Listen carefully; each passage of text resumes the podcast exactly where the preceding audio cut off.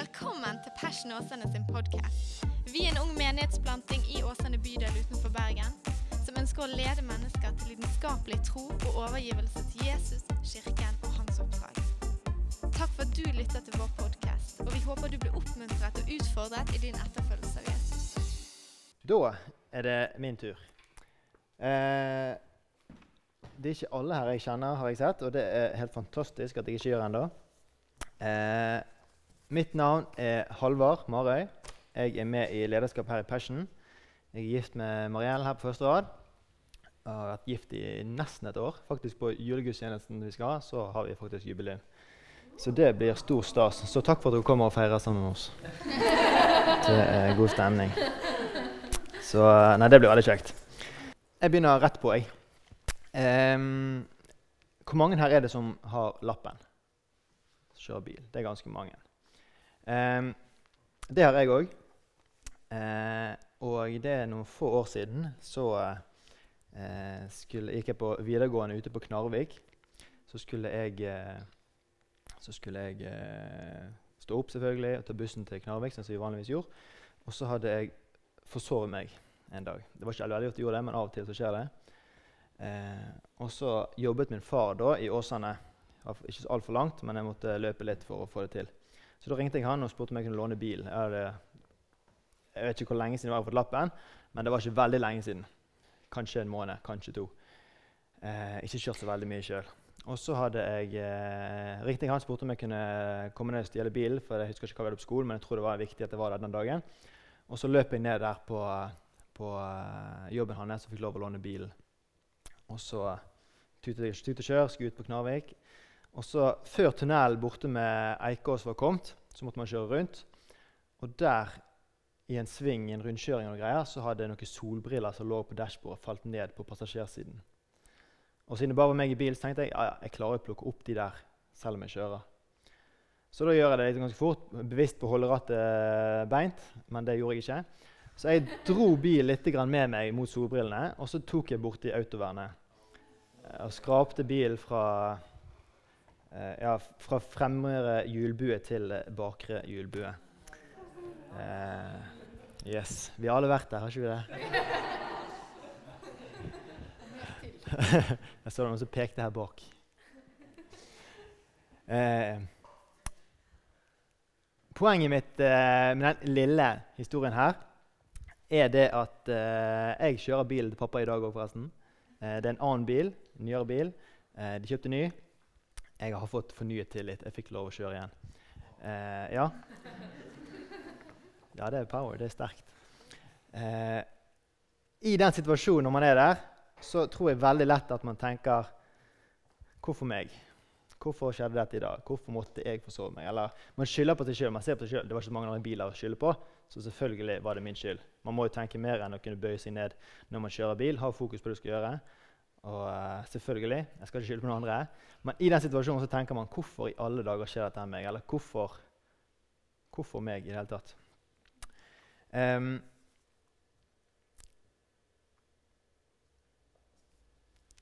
her, uh, det jeg skal prate om i dag uh, Jeg skal prøve å få det smooth over, for det er en liten link. Ikke veldig stor, men en liten link. så skal vi inn i Apostlenes gjerninger. der skal vi lese på kapittel 9. Eh, der handler det om, om Paulus som, som eh, sin omvendelse, egentlig. Eh, og dette med Ananias og, og, eh, og, det der skal vi komme inn i. Og der eh, Apostelens gjerninger er skrevet av Lukas. Det vet vi sikkert en del av oss. Og så, eh, Til forskjell fra evangeliene så har du eh, Jesu gjerninger og Jesu lære. Hva han lærer disiplene. Dette skal dere gjøre videre. Og så dør Jesus, står opp igjen, og så får vi apostlenes gjerninger der det egentlig blir OK, you go do the things, liksom. Her er liksom greiene. Um, og Jeg leste gjennom apostlenes gjerninger for ikke altfor lenge siden, og jeg kjente egentlig for første gang at dette her, fy dette her gir meg jo noe i nesten hvert eneste vers. Jeg leste gjennom, og det var bare Alt gikk så bra. Nå brukte jeg en annen bibel, så det her er ikke så mye som streket under. Men det satt hele tiden og måtte stryke. Så jeg kan ikke vise dere her at jeg har gjort det, men jeg har gjort det. Eh, den røde tråden i eh, Apostelens gjerninger det eh, må være noe av de første som står der. Det, dere skal få kraft i Den hellige ånd kommer over dere. Der ligger det veldig mye. Eh, vi ser alt Gud har gjort, eller alt Jesus gjorde når han gikk på jorden. Og så tror vi at vi har fått en lovnad om at vi kan få gjøre de samme tingene som Jesus gjorde, og større ting. Johannes 14, 12. Eh, konteksten inn mot uh, denne historien med Paulus være at Paulus, eller Saulus som han foreløpig heter, eh, er at han er en fariseer.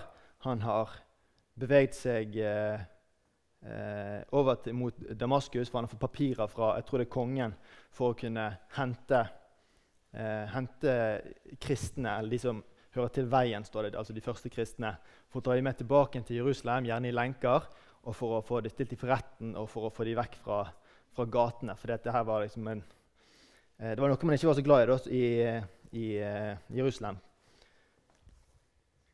Um,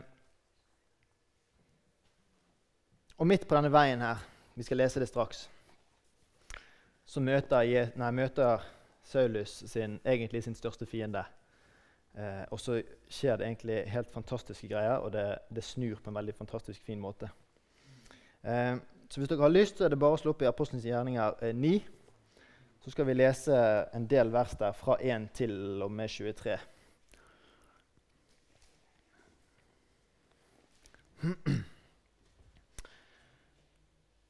Saulus, som fremdeles fnyste av trusler og mord eh, mot Herrens disipler, gikk da til øverstepresten og ba om brev fra ham til synagogene i Damaskus, slik at han, om han fant noen som tillot veien, enten menn eller kvinner, kunne føre den bundet til Jerusalem. Mens han var på denne reisen nærmet seg, og nærmet seg Damaskus, skinte plutselig et lys fra himmelen rundt ham. Da falt han til jorden og hørte en stemme som sa til ham, Saul, Saul, hvorfor forfølger du meg? Og han sa, Hvem er du, Herre? Da sa Herren, Jeg er Jesus, han som du forfølger. Det blir hardt for deg å stampe mot broddene. Så sa han skjelvende og forundret, Herre, hva vil du jeg skal gjøre? Da sa Herren til ham, Reis deg opp og gå inn i byen, og det skal bli fortalt deg hva du må gjøre. Og mennene som reiste sammen med ham, ble stående målløse, for de hørte en stemme, men så ingen. Da reiste Saulus seg opp fra jorden, og da øynene hans ble åpnet, så han ingenting. Men de tok ham ved hånden og førte han inn i Damaskus. Og i tre dager var han uten syn, og han verken spiste eller drakk. Det var en disippel i Damaskus ved navn Ananias, og til ham sa Herren i et syn, Ananias. Og han sa, 'Her er jeg, Herre.' Så sa Herren til han, 'Reis deg og gå til gaten som blir kalt Den rette, til Judas hus, og spør etter en som kalles Saulus fra Tarsus. For se, han ber.' Og i et syn har han sett en mann ved navn Ananias komme inn og legge hånden på seg, slik at han kan få synet igjen. Da svarte Ananias, Herre, av mange har jeg hørt om denne mannen, hvor mye skade han har gjort mot dine hellige i Jerusalem. Og her har han fullmakt fra øverste presten til å binde alle som påkaller ditt navn. Men Herren sa til ham, Gå, for han er utvalgt, et utvalgt redskap for meg, til å bære mitt navn framfor hedningfolk, konger og Israels barn. For jeg vil vise ham hvor mye han må lide for mitt navns skyld. Og Ananias gikk av sted og kom inn i huset. Så la han hendene sine på ham og sa, Bror Saul, Herren Jesus, som viste seg for deg på veien da du kom, har sendt meg for at du skal få synet tilbake og bli fylt med Den hellige ånd. Straks var det som om skjelv falt fra øynene hans, og han fikk synet tilbake med det samme. Og han sto opp og ble døpt, og fikk mat og ble styrket. Så ble Saulus noen dager hos disiplene i Damaskus. Straks forsynte han Kristus i synagogene, at han er Guds sønn. Alle som hørte det, ble forundret og sa, er ikke dette han som i Jerusalem utryddet dem som påkalte dette navnet? Og er han ikke kommet hit i den hensikt å føre dem bundet til øversteprestene? Men Saulus fikk stadig mer kraft, og han forvirret jødene som bodde i Damaskus, ved å bevise at denne Jesus er Kristus. Siste verset der. Etter at det var gått mange dager, stiftet jødene et komplott for å drepe ham.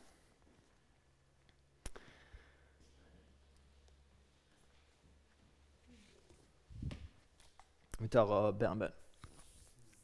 Kjære far, jeg bare takker deg for uh, at vi får lov til å samles her i Passion.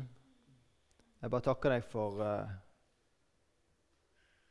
for gode mennesker, Jesus. For et godt fellesskap og for, for god lovsang, Herre Jesus. Takk at du møter oss når vi søker deg, Herre. Takk for at du alltid er her.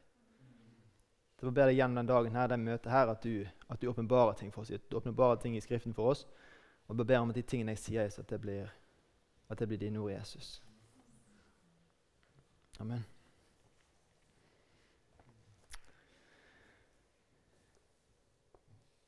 Jeg har valgt å kalle denne eh, preken min for 'Hvorfor meg?'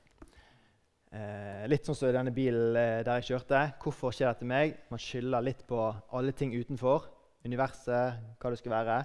Eh, hvorfor måtte disse brillene falle ned? Antageligvis fordi jeg hadde litt høyere fart i rundkjøringen enn man burde. Um, er det noen her som kanskje Eller regner med det er noen som kjenner seg igjen. Uh, men har dere noen hatt en sykdom, gjerne varierende alvorlig grad, der man òg kjenner at en sykdom er ikke alltid noe man kan styre. Man kan liksom varme seg, holde seg varm for å unngå forkjølelse, og sånne ting, men det er ikke alltid man kan forhindre at man blir syk. Eh, og Når man først kanskje får en sykdom, så blir det typisk at dette blir meg. Hvorfor i alle dager skal jeg ha denne sykdommen? Eller hvorfor i alle dager skjer dette her meg? Eller det kan være positive ting, som at eh, i gymtimene på skolen så blir du valgt først, eller blant de første. Det kan være positive greier. Og så kanskje du ikke forventer det. Så er det Hvorfor i alle dager velger du meg? Som mindreverdighet. Eller at man ser på seg selv som litt mindre. Um, hvorfor, eller hva er det du ser i meg som jeg ikke ser, eventuelt? Um,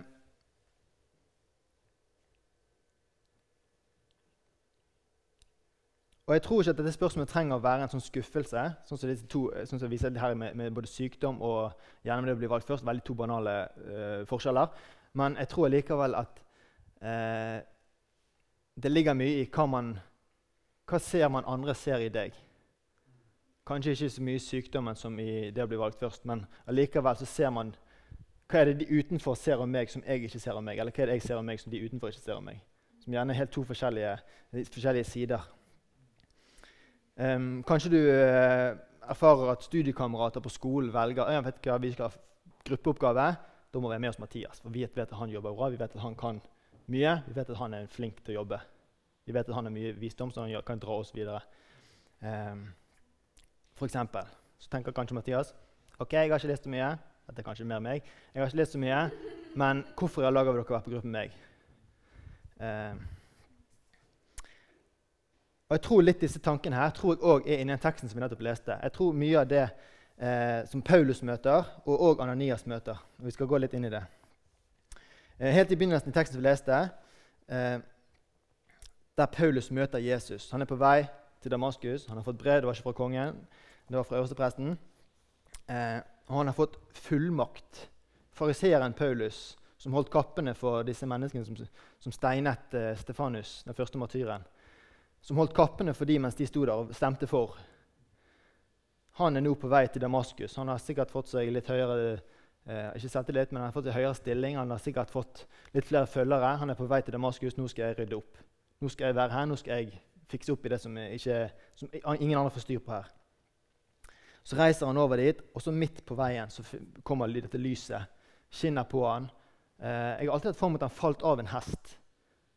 Men jeg har ikke funnet det i denne Bibelen eller i den andre jeg har hjemme. Så jeg vet ikke hvor jeg har det fra. Men jeg har alltid sett for meg at lyset kommer, og så faller han tilbake av hesten. Men eh, det er sikkert en film eller noe sånt. Uansett så har det ikke så mye å si. Et lys omkastet Paulus, og han hørte en stemme og fikk befaling av Jesus. Gå dit og gjør sånn. Han går dit, så skal, eh, så skal du møte en som heter Ananias, som skal be for deg, og så skal du, bli, skal du få syn igjen. Og så tenker jeg litt at det er sikkert veldig mange tanker som kommer i hodet på Paulus her. Litt fordi han først, Jesus er hans fiende. Han er ute etter disse som følger Jesus. Og så kommer Jesus sjøl til han og sier 'Hei, du, det er jeg som er Jesus'. Og så fins du i det hele tatt. Eller, det, det, er mye her. Og så Og så eh, eh, blir han blind. Han, eh, er der, han er ikke aleine, men han, plutselig så Folk har, sett, nei, folk har hørt stemmen, men de har ikke sett lyset. De har ikke sett noen snakke. Men de har sett uh, at det er noe som har skjedd. Paulus faller fra hesten sin, og så blir han blind. Henger ikke helt på greip.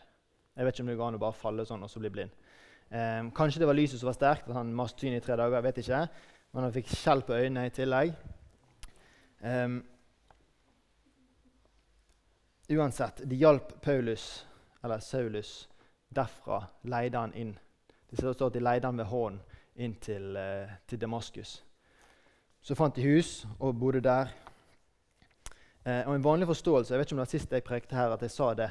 Eh, men dere har hørt uh, historien om den lamme mannen som blir båret til Jesus og disse fire kompisene på båre. Det er fullt i inngangen, og så bærer de den opp på taket, og så graver de hull i taket, så firer de han ned for å møte Jesus. Og så er det, sier han dine synder er deg, til, er deg tilgitt. Og så, Nei, men det er blasfemi, sier fariseerne. Kanskje Paulus var der. Eh, og så sier han nei, men hva er lettest å si? Dine synder er deg tilgitt, eller stå opp, ta båren din og gå? Og så sier han det. Eh, og så er det en vanlig eh, tanke at er man syk, har man skader, er man blind, så har man ikke så lett i hverdagen. I hvert fall ikke den tiden her. Du hadde ikke nødvendigvis masse blindehunder som førte deg til jobb. og alle disse tingene her, som vi har hjelpemidler i dag, Men det var en helt annen setting for det å være syk. Da var du gjerne en synder, du hadde blitt straffet. Og det var bare, det var flere religioner som tenkte det.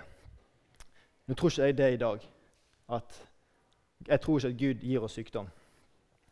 Um, så det at Jesus her uh, har helbredet denne mannen uh, fra lammelse, det at han kan gå, det er òg et tegn på at Jesus helbreder, eller, og at han tilgir synder. Samtidig kan vi si se Apostlenes gjerninger 28.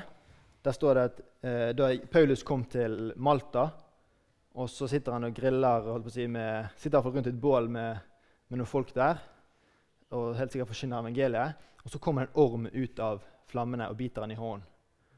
Og så tenker folkene her, her står det Da innbyggerne så dyret henge ned på hånden hans, sa de til hverandre denne mannen er sikkert en morder, siden rettferdigheten ikke lar ham leve enda han er reddet fra havet. De har ledet et skittbrudd, de har truffet skjær, og så kommer han nå i land, og så biter en ormen. han. Kommet så langt, men ikke lenger. Og så tar Paulus ormen over ilden, og så faller han av etter hvert. Og så skjer det ingenting. Og så snur det, da. Å ja, ok, han var ikke urettferdig lenger. Sånn, her har du det. Å ja, han var ikke rettferdig, så da kom en slange og beit han. Det er gudene som straffer han. Hvilken gud de trodde på, vet jeg ikke.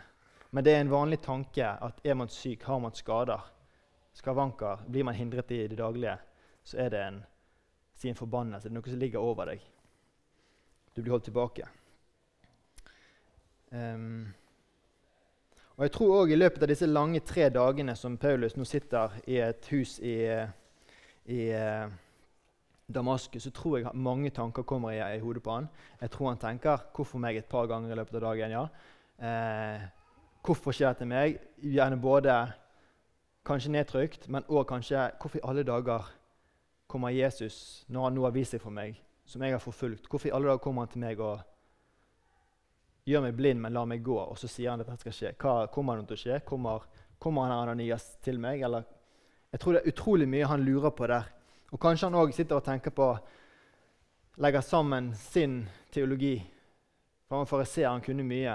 At han legger sammen to og to og ser oh ja, ok, men med Jesusbrillene så gir jo dette her kanskje litt mer mening. Kanskje han vokser mye åndelig på de, de tre dagene. Um, Paul, Saulus har brukt sitt liv på å nå opp til Gud, og nå forfølger han Jesus i tro på at det er det rette, men blir kraftig motbevist. Hvis vi ser fra andre siden videre i teksten her, så er det Ananias som får et syn. Og Det virker som et veldig heftig syn. Det står Herren roper Ananias til han, står det med utropstegn bak. Og Så svarer Ananias, 'Herre, herre er jeg', og med utropstegn, som en, høres ut som en veldig hørbar eh, greie. Um,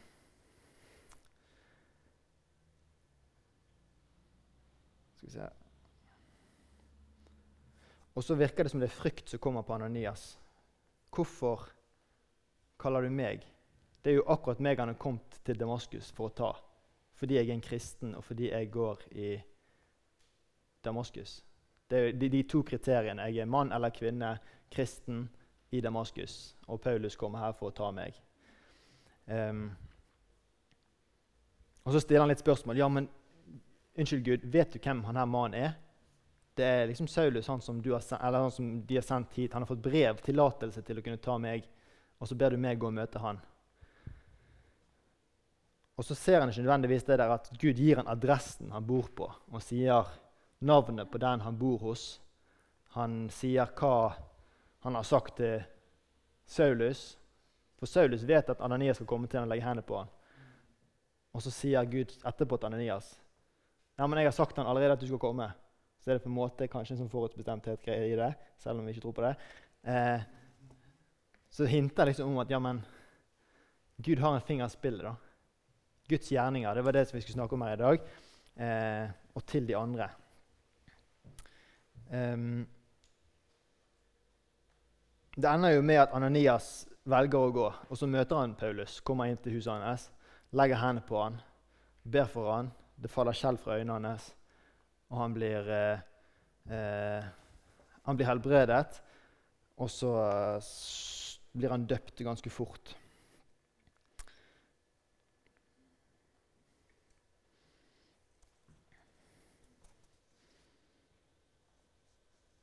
Videre, siste punktet mitt i akkurat denne eh, teksten, det er det at Paulus forkynner. Sånn, nå har det vært tre punkter. Det første var eh, Paulus, eller Saulus møter Jesus. Og så er det Ananias får synet. Og så er det eh, Hva sa jeg nå at det ble? Paulus forkynner. Eh, I samme verset som det står at Saul fikk synet tilbake, står det at han står opp og blir døpt. Jeg tror det er i vers 17 eller 18. Der står det Helt i samme, nesten uten punktum. Eh, som om det her er en helt konkret greie som hører sammen. Um, og jeg synes det er så bra. Jeg har sagt det til Daniel og sa det til, Matt, nei, til David på mannegruppen den dagen. At jeg blir så grepet av det at eh, Saulus, som har vært helt på ene siden, vært, ut, vært fienden vår egentlig, og så blir han omvendt, møter Jesus, og så går det riktignok tre dager der han sitter og er blind og sikkert sturer på en krakk inni en kjeller eller en bod eller noe sånt, helt alene. Og så lurer han på hvorfor meg, hvorfor i alle dager dette skjer med meg, hva, skjer, hvorfor, vil Gud, hvorfor Gud interessert i meg i hele tatt, hvorfor møter Gud meg? Og så Kanskje det er en veldig oppbyggelig greie, og det er sikkert en veldig spent greie. Hvor tid, hva skjer nå? Og så er det en sånn respons i det å Saulus blir forsynt igjen, han blir døpt, og så står det er han, han med disiplene, og så går han inn i synagogen og forkynner om Jesus. Det er liksom det første han gjør. det er ok, jeg er døpt, nå må jeg gå og forkynne evangeliet til disse folkene. De kjenner ikke Jesus. De var sånn som meg for tre dager siden. Disse må høre om Jesus. Og så griper det meg sånn, da, fordi vi ser det så sjeldent i dag. Og dette, Jeg taler så utrolig mye til meg sjøl. Jeg har snakket om det på huskirken vår. At dette her er det jeg kjemper med. Jeg har så lyst til å være der Paulus er på det der. Og så tror jeg man venter på følelsen og jeg tror man venter på at alt skal legge seg til rette. At Gud skal komme til meg sånn som Ananias og si 'Halvard, du skal du gå til Blindheimsveien 24.' Der sitter det en gutt på en krakk og er blind. liksom. Man venter på de store greiene her, og det hadde vært en fantastisk, og jeg tror det kan skje. Halleluja hvis det skjer. Men så tror jeg likevel at vi må vi må være tro i smått og vi må være tro i stort. Jeg tror disse små stegene vi har i hverdagen, jeg tror de er så viktige for at vi skal kunne forme ikke minst vår karakter til å kunne følge videre, til å kunne ta neste steg, som er litt større. Sant? Etter hvert man vokser, så blir beina lengre, man kan ta lengre steg. Sant? Jeg vet ikke om det gir mening, men det kom på det nå. Veldig bra. Eh, så står det videre at Saulus fikk stadig større kraft. Og dette her, Det er en liten parentes, men fy søren. Hvis Paulus fikk større kraft, og han allerede hadde liksom Gamle testamentet på rams, eller Mosebøkene på rams, eller hvor mye han kunne, og så får han vridd det over til å stemme om Jesus, og så blir han døpt i Den hellige ånd, han blir døpt i vann, og så forsyner han evangeliet, og så blir han sterkere i kraft hver dag. Og Det tror ikke det handler om muskler, selvfølgelig, men det handler om at Gud gir ham mer åpenbaring hver dag. Han bruker tid med Gud, han er med Gud, han har skjønt en greie som jeg tror veldig mange i kanskje Kristen-Norge ikke har skjønt. Det ser ut som veldig mange skjønner mer og mer. Jeg håper jeg skjønner mer og mer. Eh, men det er bare sånn hjertesukk for meg, da, akkurat det her med at vi må jo nå folk. Vi må jo snakke om Jesus. Vi må jo ut der ute eller inn der inne, eller hvor vi skal. Jeg møter vi folk jeg, Vi skal ha åpning for uh, dette her jeg tror i løpet av neste uken. At vi kanskje tar med Huskirken at vi går ut på gaten. Uh, vi har litt evangelisering. Ikke fordi vi tror at alle sammen skal nødvendigvis måtte gjøre det ukentlig, eller skulle kunne gjøre det, men jeg tror alle sammen skal kunne være i stand til å snakke med en fremmed. Og Det trenger ikke være at du står på en stor stein i, på Torgallmenningen og roper det ut. Men jeg tror det handler om at hvis du møter en som gjentar kontakt med deg, eller hvis du sitter ved siden av meg på bussen og du kjenner oi fy søren, her dunker det, så bare det Jeg tror Gud, og du vet egentlig at det er Gud. Men så er frykten som står i veien. Det har stoppet meg så utrolig mange ganger, og jeg kjemper med det hver dag. Og jeg kjenner bare at jeg vil ikke at min frykt skal stoppe meg, sånn som det kunne gjort med Ananias her. Der det egentlig er en historie som er ferdig skrevet. Jeg har sagt, eller Gud har sagt til Saulus Ananias kommer til deg, og han skal be for deg, legge hendene på deg, og du skal få syn igjen, og du skal bli døpt i Den hellige ånd. Og Så kommer han til Ananias og så sier han det samme. Du skal gå der, denne her adressen, og han skal bli døpt i Den hellige ånd. Og alt det her. Og så sier han OK, dette er veldig bra uh, tegn, Gud. Kunne ikke fått så veldig mye skrevet på veggen enn dette her, men jeg tør ikke. Og så er det egentlig bare frykten. Du vet så godt at dette er Gud, og du vet at det ligger så mye bakom det lille steget. Eller det var et stort steg for så vidt fordi han drepte mennesker. Men allikevel så er det bare sånn Ja, men Gud har talt. Og det burde stå så mye høyere i oss, da. Um, jeg bare sier sånn, Hvis noen føler jeg peker pekefinger, eller noe sånt, så er det absolutt ikke meningen. Eh, vi er der vi er. Eh, jeg er langt ifra dette her sjøl. Jeg har så lyst til å være der. Og jeg har lyst til at vi som Passion skal få lov til å kunne gå litt steg i dette her. At vi alle sammen skal kunne eh, strekke oss etter det som jeg tror Gud har for oss. Da mange dager var gått, la jødene planer om å drepe ham. Det var det siste verset som kom litt utenom, som jeg måtte dra med. Um, og så tenker jeg litt at ok, er vi kommet tilbake igjen til der har, Saulus, har, har, Paulus møtt en ny Saulus nå, og så, fordi de vil drepe han. Går han nå til de som vil drepe han fordi han sjøl har vært der og skjønner spenningen? Han ser verdien, han ser hvor det kunne gått. Han ser verdien i at hvis Ananias ikke hadde kommet til meg, så hadde jo ikke jeg vært her. Eller kanskje Gud hadde kalt en annen og sendt en annen. Men det vet man liksom ikke. Er det jeg som er ansvarlig for at Saulus skulle få møte Gud der? Eller er det Ja, hvor ligger det? Men så tror jeg litt at det er liksom sirkelen sin fullendelse. At eh, historien skjer om igjen. Jeg tror det at Saulus møter mennesker som er der han var før. Han møter andre mennesker som på helt andre steder, men på samme måte så er de, eller på en eller annen måte er de litt samme stedet. Og så møter man mennesker som ikke tror, og så møter man mennesker som ikke tror så blir man troende. Så møter man mennesker som ikke tror, så blir man troende. Og jeg tror det er sånn evangeliet er ment å være. At det skal kunne gå og gå og gå. Og treffe nye, og så multipliserer det seg, og så blir det flere, og så multipliserer det seg. Uh. Jeg kjenner at det er bra.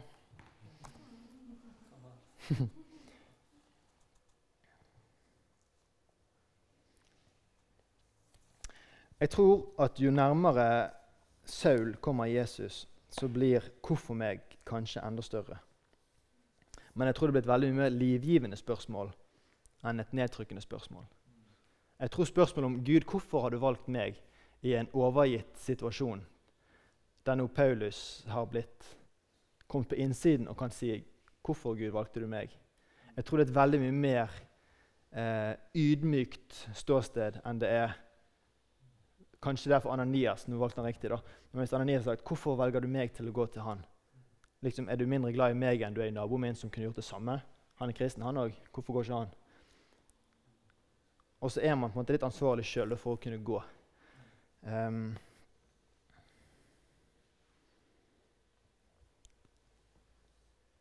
vi kan så fort bli avvæpnet av vår lille frykt foran det som ser så stort ut, og som man har så store håp til.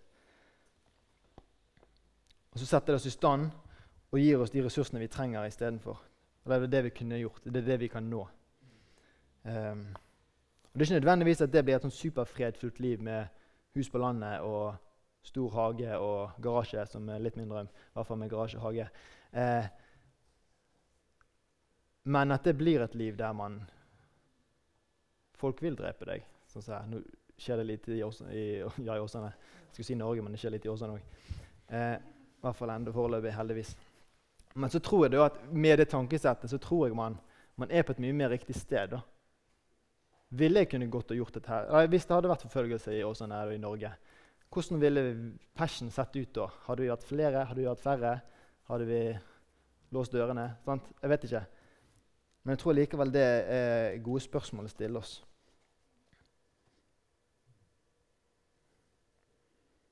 Og så tror jeg det igjen ligger i at Gud har kalt. Gud har sagt. Vi i Passion vi tror at Gud har kalt oss til å være her. Vi tror at det skal være Jesus hjem og verden. At vi er kalt, kalt for å, kjenne Jesus og få bygge et hjem for mennesker. For så å gå ut i verden med ressurser fordi man er styrket i, i Jesus og man har Kanskje man har jobbet litt med nådegavene. Kanskje man, man er i hvert fall villig til å gå. Det skal ikke stå på gavene, men man er villig til å gå. Og det er jo Hele navnet passion, lidenskap, det skal jo ligge der. Og det er bare, Vi lengter sånn etter det. Og så vil vi gå litt steg hver gang. Um,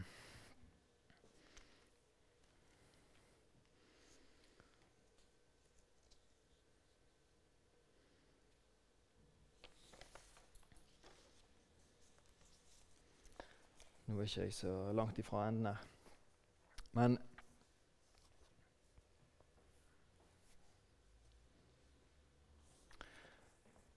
Og så ser vi her at i møte med Jesus, Paulus, så ser vi at på bevis av sitt livs fiasko, egentlig, for Saulus, alt han har bygget opp, hele hans liv som fariseer, som, som en av høy rank, og som har fått papirer fra høydige menn som nå skal gå og rydde opp, så møter han den han skal ta, og så blir det, bare det møtet med Jesus i ørkenen der, det er liksom beviset på at oh, ja, okay, Alt du har trodd, eh, Paulus, det Her er jeg, vet du. Du hadde nok feil. Og så blir det en Istedenfor at det blir en sånn ydmykelse, så ligger det heller ydmykhet i det. på en måte. Det er ikke det at Jesus kommer ikke der for å dytte Paulus ned i driten, men det er mer for å opplyse 'Her er jeg. Hva er det du gjør?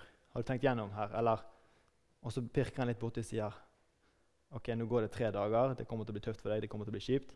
Du må gå i blinde. Jeg vet ikke hvor lenge dere har gått i blinde hjemme. eller sånn prøvd. Vet, vet hvor ting er. sånn. Jeg har prøvd det av og til. Men sånn, hadde man våknet opp og blitt blind, hadde man funnet kjøleskap uten å dunke borti mye greier.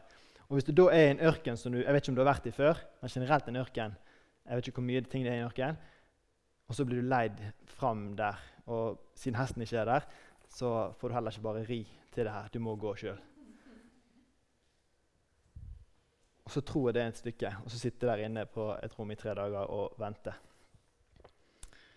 Um, og Kanskje Paulus fortsatt i dag, hvis han hadde vært her eller tenkt, eller jeg vet ikke hvordan sånt er, eh, lurer på eller tenker Jesus, hvorfor valgte du meg? For Jeg tror også litt at Paulus kunne tenkt jeg kunne gjort mer, eller jeg kunne vært mer her. Nå tror jeg at man fullendes når man kommer til himmelen, så kanskje det er mer, mer tanken på at OK, jeg kunne gjort mer hvis jeg hadde vært som jeg er i dag. Men likevel så ser vi her vi kjenner at Paulus han er jo en av heltene. Han er den store morderen som har skrevet flest eh, bøker i Bibelen. Om ikke det er ydmykt av Gud, så vet ikke jeg um, vet ikke hvor mange kirker Paulus hadde kommet til å preke i dag siden hvis man visste på bakgrunn, i bak, uh, den bakgrunnen om han. Um, Gud valgte den verste og lot han skrive flest bøker. Ananias tenker 'Hvorfor meg? Dette kan jo ikke gå'. Saul er en morder, han her får ta meg. Og så ser vi ikke hva som eh, skjer når Gud har talt, men vi ser vår egen tilkortkommenhet. Saulus ble døpt og begynte straks å forkynne i synagogene at Jesus er Guds sønn. Og hvor er det blitt av unnskyldningene?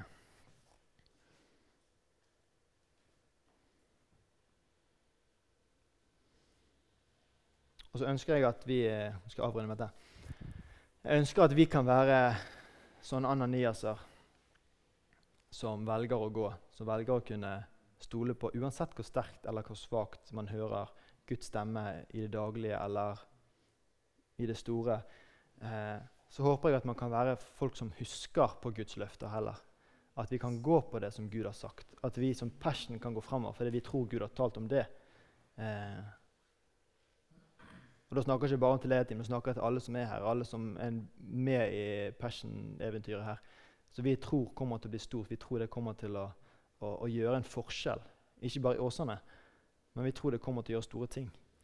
Og det tror vi fordi vi tror, mener og har hørt og tror at Gud har kalt en liten gjeng, forholdsvis liten gjeng i hvert fall, fra Åsane og rundt omkring til å kunne begynne, til å begynne å gå.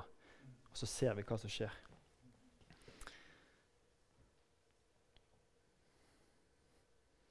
Og Så håper jeg at vi møter flere Sauluser som blir til Pauluser. Um, ja.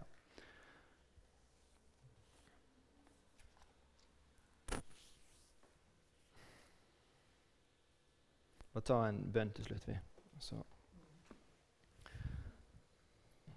Kjære far, jeg bare ber om at du gjør oss mer bevisst på på din stemme her i det daglige.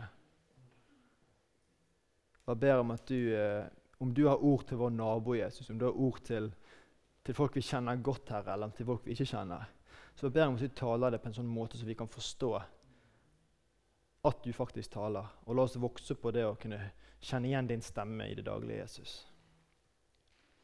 Og så ber jeg om at du gir oss den, den given til å starte, til å begynne, til å gå til å kunne tro at når du har kalt, så er det òg mer vinning enn det er tap. Nesten uansett hva tapet vil si for vår egen del. Så bare ber jeg om at du gjør våre 'hvorfor meg' i negativ forstand til en 'på grunn av deg, Jesus'. Åpenbar evangeliet for oss på en sånn måte at det er så mye mer å hente enn det å tape ære. Takk for at du lyttet til Passion Åsane sin podkast. Hvis budskapet inspirerte deg, del det gjerne videre, slik at enda flere kan bli styrket av Guds ord. Gud har en plan for ditt liv. Følg Jesus lidenskapelig og bety en forskjell for mennesker i din verden.